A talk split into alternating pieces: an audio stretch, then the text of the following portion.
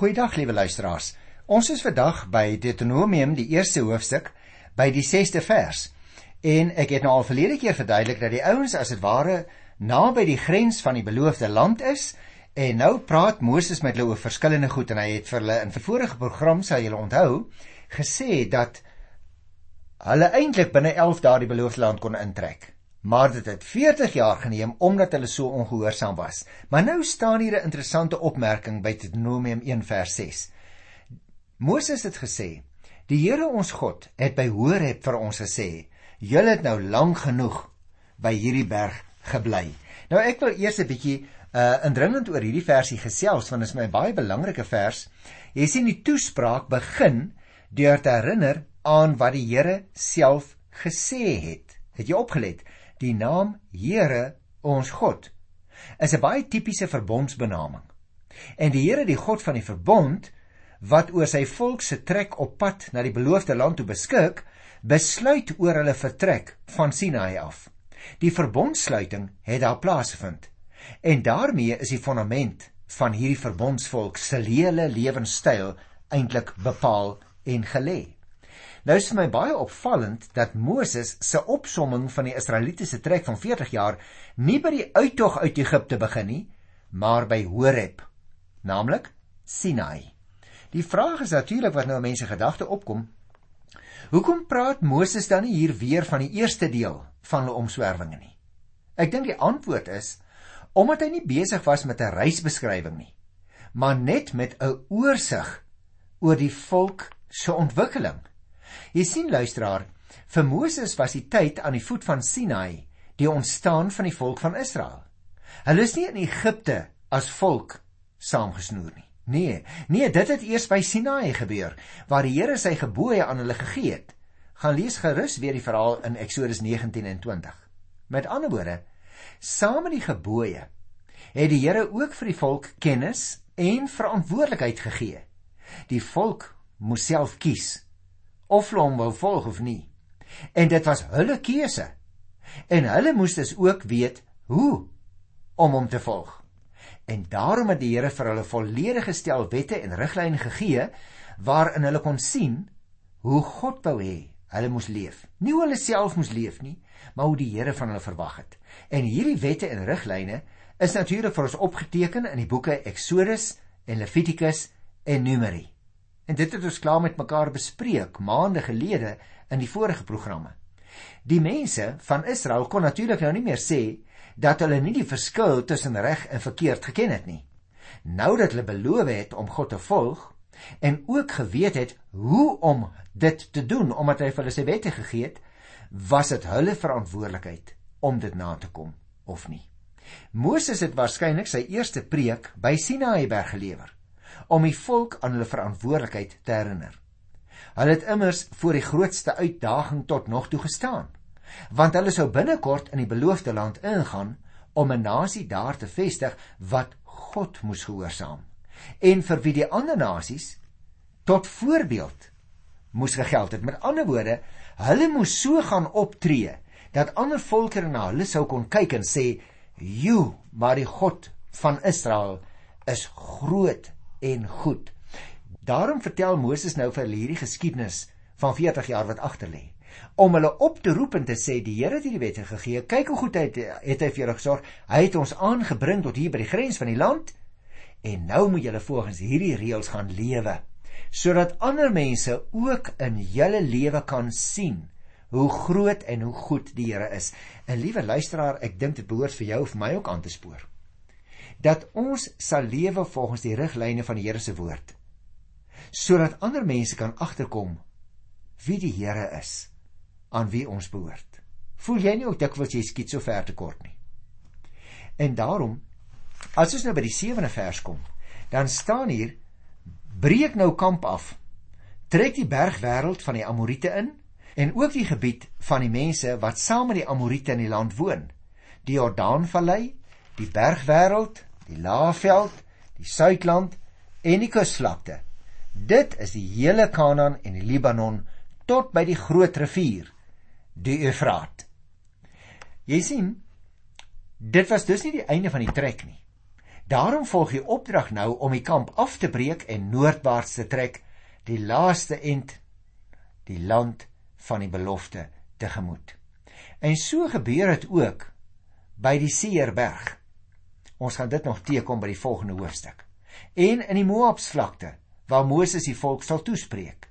Die bestemming word nou aangedui as die bergwêreld van die Amorite en ook die gebied van die mense wat saam met die Amorite in die land woon.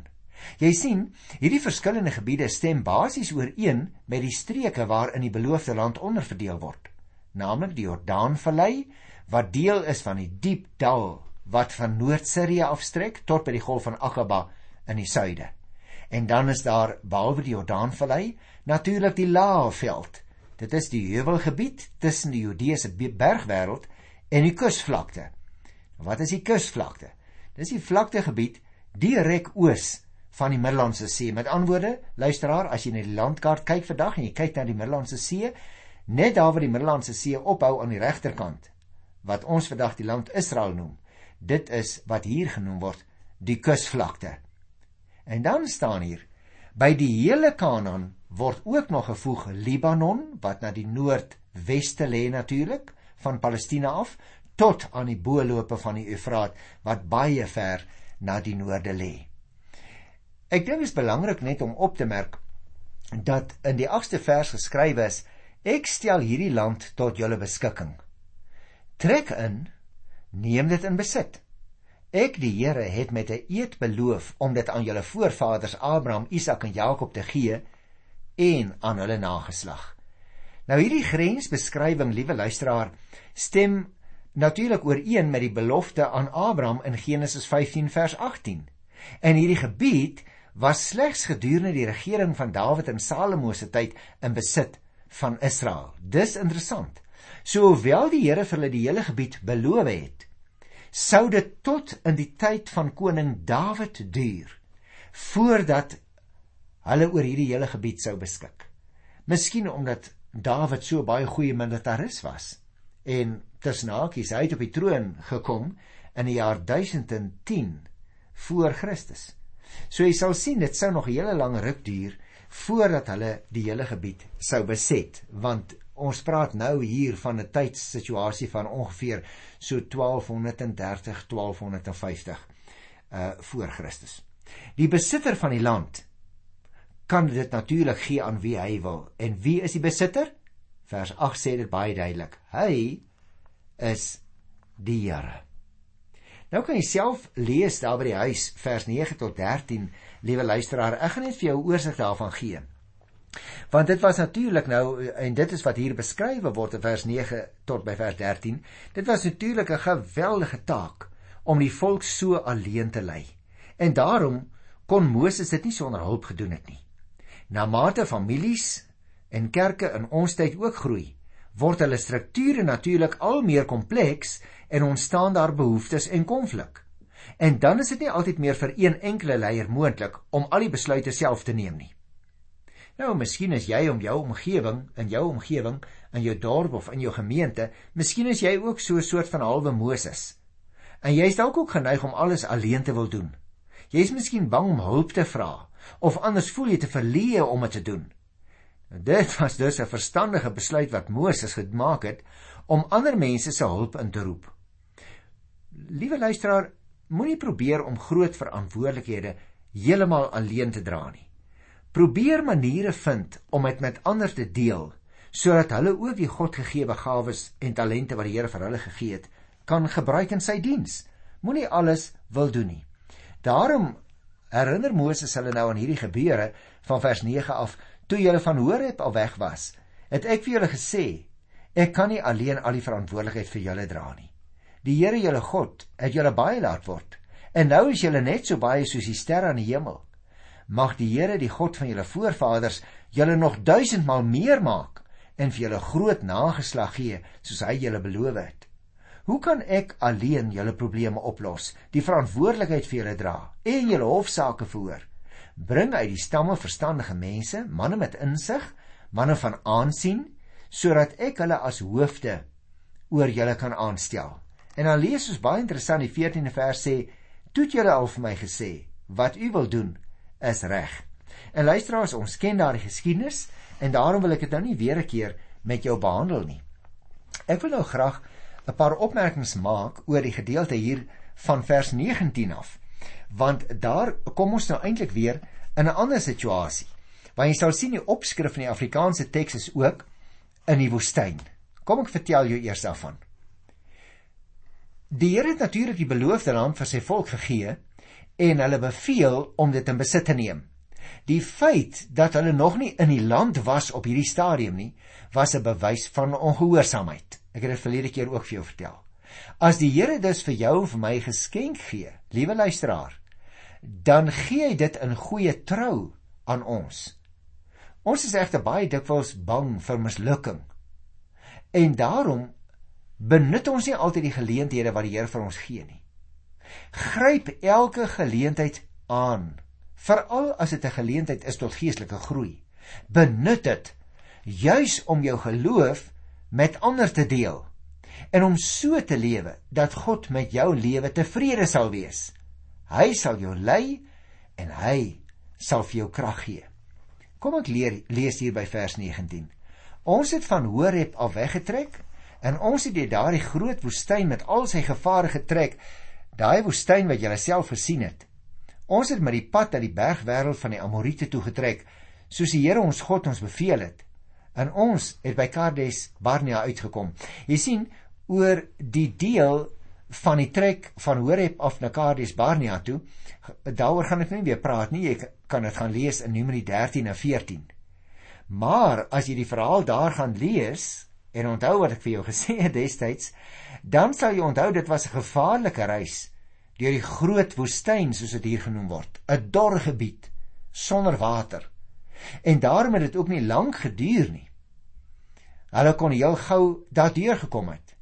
En so het hulle die bergwêreld van die Amorite bereik met hulle aankoms by Kades Barnea.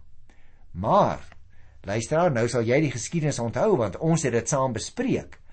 Nou sê Moses vir hulle in vers 20: "Toe het ek vir julle gesê: Ons het nou die bergwêreld van die Amorite bereik.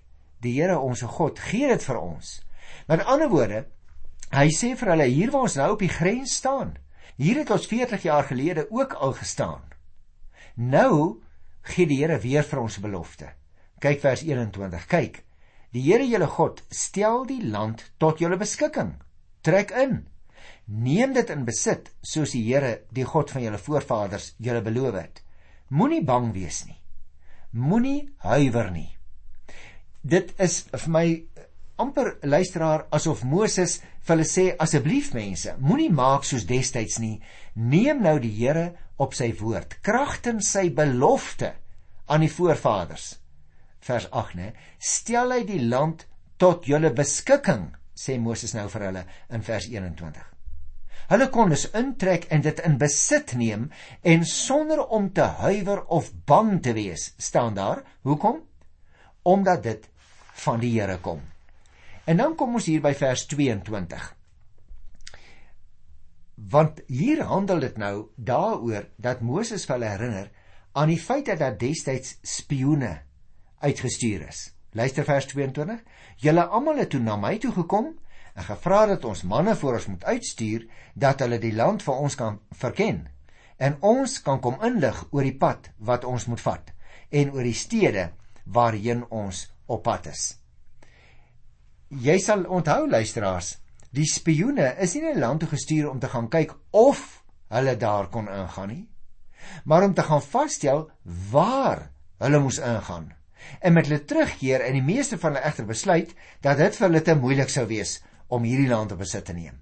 God het hulle wel in staat gestel om die land in te neem, maar hulle het dit nie gedoen nie, omdat hulle te bang was en nie op hom vertrou het nie. Dis nie soos jy en ek, dis nie anders nie. God gee vir ons ook die krag om struikelblokke te oorkom. Maar net soos die Israeliete destyds, is ons dikwels te bang en te skepties. Laat ons dikwels toe dat struikelblokke die oorhand oor ons kry. Geloof, liewe luisteraar, Geloof beteken dat 'n mens die Here sal volg ten spyte van die struikelblokke en die probleme. Jy sal onthou dat daar die 12 verkenners uitgestuur is, een uit elke stam wat uitgestuur is om die land en die stede te verken sodat die beste roete bepaal kon word. Maar die mense wou nie glo. Toe die ouens hulle kan kom terugkom en sê, die meerderheid kom sê, nee, joe, daai mense is aan baie sterk, né? Net soos jy en ek van 'n molshoop maak ons 'n berg en nou wil ons die Here nie op sy beloftes neem nie. Onthou jy nog vers 24? Hulle het by die bergwêreld ingegaan en by die Eskol vallei gekom en dit verken. Jy sien die verkenners het hulle opdrag stiptelik uitgevoer in die bergwêreld soos ons ook in vers 7 gelees het. En hulle het dit verken tot by Eskol vallei. Vers 25, hulle het van die vrugte van die land na ons toe gebring en vir ons gesê: "Die Here ons God gee ons 'n goeie land." Jy onthou dit nog luisteraar, die goeie rapport is bevestig toe die vrugte van die land saamgebring is deur 'n klompie van daai manne. Veral belangrik was die getuienis dat die Here aan hulle die goeie land, soos dit hier staan, sou gee. Die goeie land het in skrille kontras gestaan met die dor wêreld, die woestyn, waardeur hulle sopas getrek het op hierdie stadium. Maar vers 26. Maar destyds wou julle nie optrek nie. Julle het julle verset teen die opdrag van die Here, julle God. Moses herinner hulle dus aan die tragiese reaksie van hulle kant destyds. Hulle het hulle verset teen die opdrag van die Here. En dan hier van vers 27 af kry ons nou die verhaal hoe dat Moses die volk herinner aan die spioene se terugkeer uit die beloofde land en ook hulle verslag. Nou ek wil dit weer nie in detail behandel luisteraars, jy kan dit self gaan lees as jy wil in Numeri 13 en ook in Hosea 14. Toe het hulle naamlik met hulle terugkeer vir die volk van die legendariese reuse en die sterk stede vertel. En toe was almal bang om die land te besit te neem en het hulle oor hulle omstandighede begin kerming kla.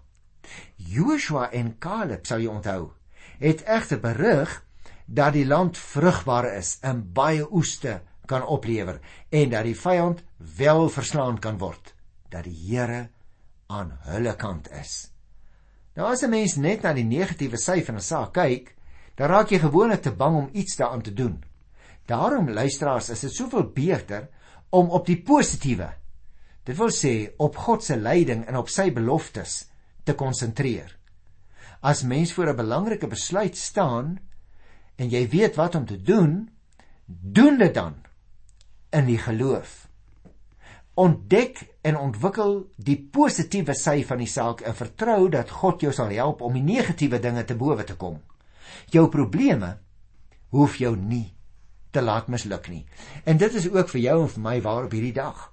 Dalk luister iemand na die program en sê maar wie Brian, ek het so baie probleme. Luisteraars probleme hoef vir mense nie te laat misluk nie. As jy positief na jou omstandighede begin kyk en vra nou maar wat kan ek daaraan doen en ook skouer in die wiel sit en aan werk terwyl jy in afhanklikheid van die Here te doen. Dan kan jy met groot moed werk. En daarom wil ek ook vir jou oproep dat jy en ek nie sal maak soos hierdie mense gemaak het nie. Nie dat ons die vinger na hulle wil wys nie, maar ons is dikwels in ons optrede net so soos hulle. Ons sien altyd die dwergies aan vir reuse. Ons sien klein probleempies aan asof hulle groei tot groot wolke krabbers rondom ons. En die gevolg? Da kan ons die Here nie sien nie. 'n Mens kan ons verstaan dat die Israeliete bang was, maar hulle vrees was nog steeds ongegrond, aangesien die almagtige God alreeds beloof het om vir hulle die oorwinning te gee. Nou kom ons gaan so klein bietjie verder En dan maak ons klaar met hierdie hoofstuk van vandag. Jy kan die detail self gaan lees. Maar ek wil baie graag hierso uh die laaste klompie verse behandel. Kyk jy by vers 42. Nou vertel Moses nog steeds vir hulle wat gebeur het. Maar vers 42. Die Here het vir my gesê: "Sê vir hulle, hulle moenie optrek om te gaan oorlog maak nie, want ek is nie by hulle nie. Hulle sal nie die vyand verslaan nie. Nou jy onthou nog daardie stuk van die geskiedenis. Toe die Here vir hulle gesê het, maar hulle het opgetree presies teenoor die teenoorgestelde van wat die Here gesê het. Met ander woorde, ten spyte van die waarskuwings om nie te gaan oorlog maak nie, omdat die Here nie by hulle is op daardie stadium in geskiedenis nie en hulle hulle vyande nie sal kan verslaan nie, het hulle wel in opstand gekom. Lees ons nou hier vers 42 en 43. Het hulle wel in opstand gekom en het hulle moetswillig teen die opdrag van die Here na die bergwêreld toe getrek. So Moses herinner hulle nou, vers 43 ook. Ek het dit vir julle gesê, maar julle het nie geluister nie en in opstand gekom teen die opdrag van die Here. Julle was moedswillig en het na die bergwêreld toe getrek. En daarom luisteraars, wil ek afsluit met die laaste paar versies in die hoofstuk. Kom ek lees Deuteronomium 1 vers 44. Maar die Amorite wat na die gebied woon, het teen julle opgeruk en julle verjaag soos 'n swerm bye dit sou doen. En julle van Seer af tot by Gorma uit mekaar gejaag. Jy sien, die gevolge vir hulle ongehoorsaamheid om te doen wat die Here hulle beveel het om nie te doen nie, was vir hulle baie baie tragies. Hulle is verneder toe die Amorite hulle verslaan het van Seer af tot by Gorma. Seer is tussen Hagiese gebied ten weste van die Seerberge terwyl Gorma noordoos van Kades Barnea geleë was. Die agtervolging word treffend geteken met die beeldspraak van 'n swerm bye wat mense uitmekaar jaag. En nou sê Moses, onthou julle nog die geskiedenis? Dit het so met julle ook gebeur destyds. Julle het gedoen wat die Here gesê het julle mag nie en toe is julle soos 'n swerm bye uitmekaar gejaag. En dan vers 45. Toe het dit julle berou dat julle dit gedoen het en julle het julle nood by die Here bekla, maar hy het nie na julle geluister nie en hom nie aan julle gesteer nie. Jy sien ten spyte van die berou wat hulle gehad het en die feit dat hulle hulle nood by die Here kom bekla het, het hy nie na hulle geluister nie, want dit was 'n sondige en 'n eie willige daad wat hulle gedoen het. Daarom wou die Here nie na hulle luister nie. En dan sluit Deuteronomium af met hierdie belangrike opmerking: So het dit gekom dat julle so lank by Kades gebly het. Met ander woorde, Moses sê, so word die feit verklaar dat julle lank by Kades gebly het. Waar julle na 11 dae uit Egipte land by Kades kon aangekom het en die beloofde land kon ingegaan het, het julle presies toe gedoen wat die Here julle sê julle moes nie doen nie. En daarom moes julle nou 40 jaar in die woestyn rondtrek. Nou luisteraars, ons gaan vo volgende keer verder met hierdie toesprake van Moses waarin hy dan 'n oorsig gee van geskiedenis wat agter lê. Want op hierdie stadium is hulle gereed om die beloofde land in te trek. Miskien moet jy en ek ook daaruit leer dat ons die Here sal gehoorsaam. Ek groet jou in sy wonderlike naam tot volgende keer. Tot dan. Totsiens.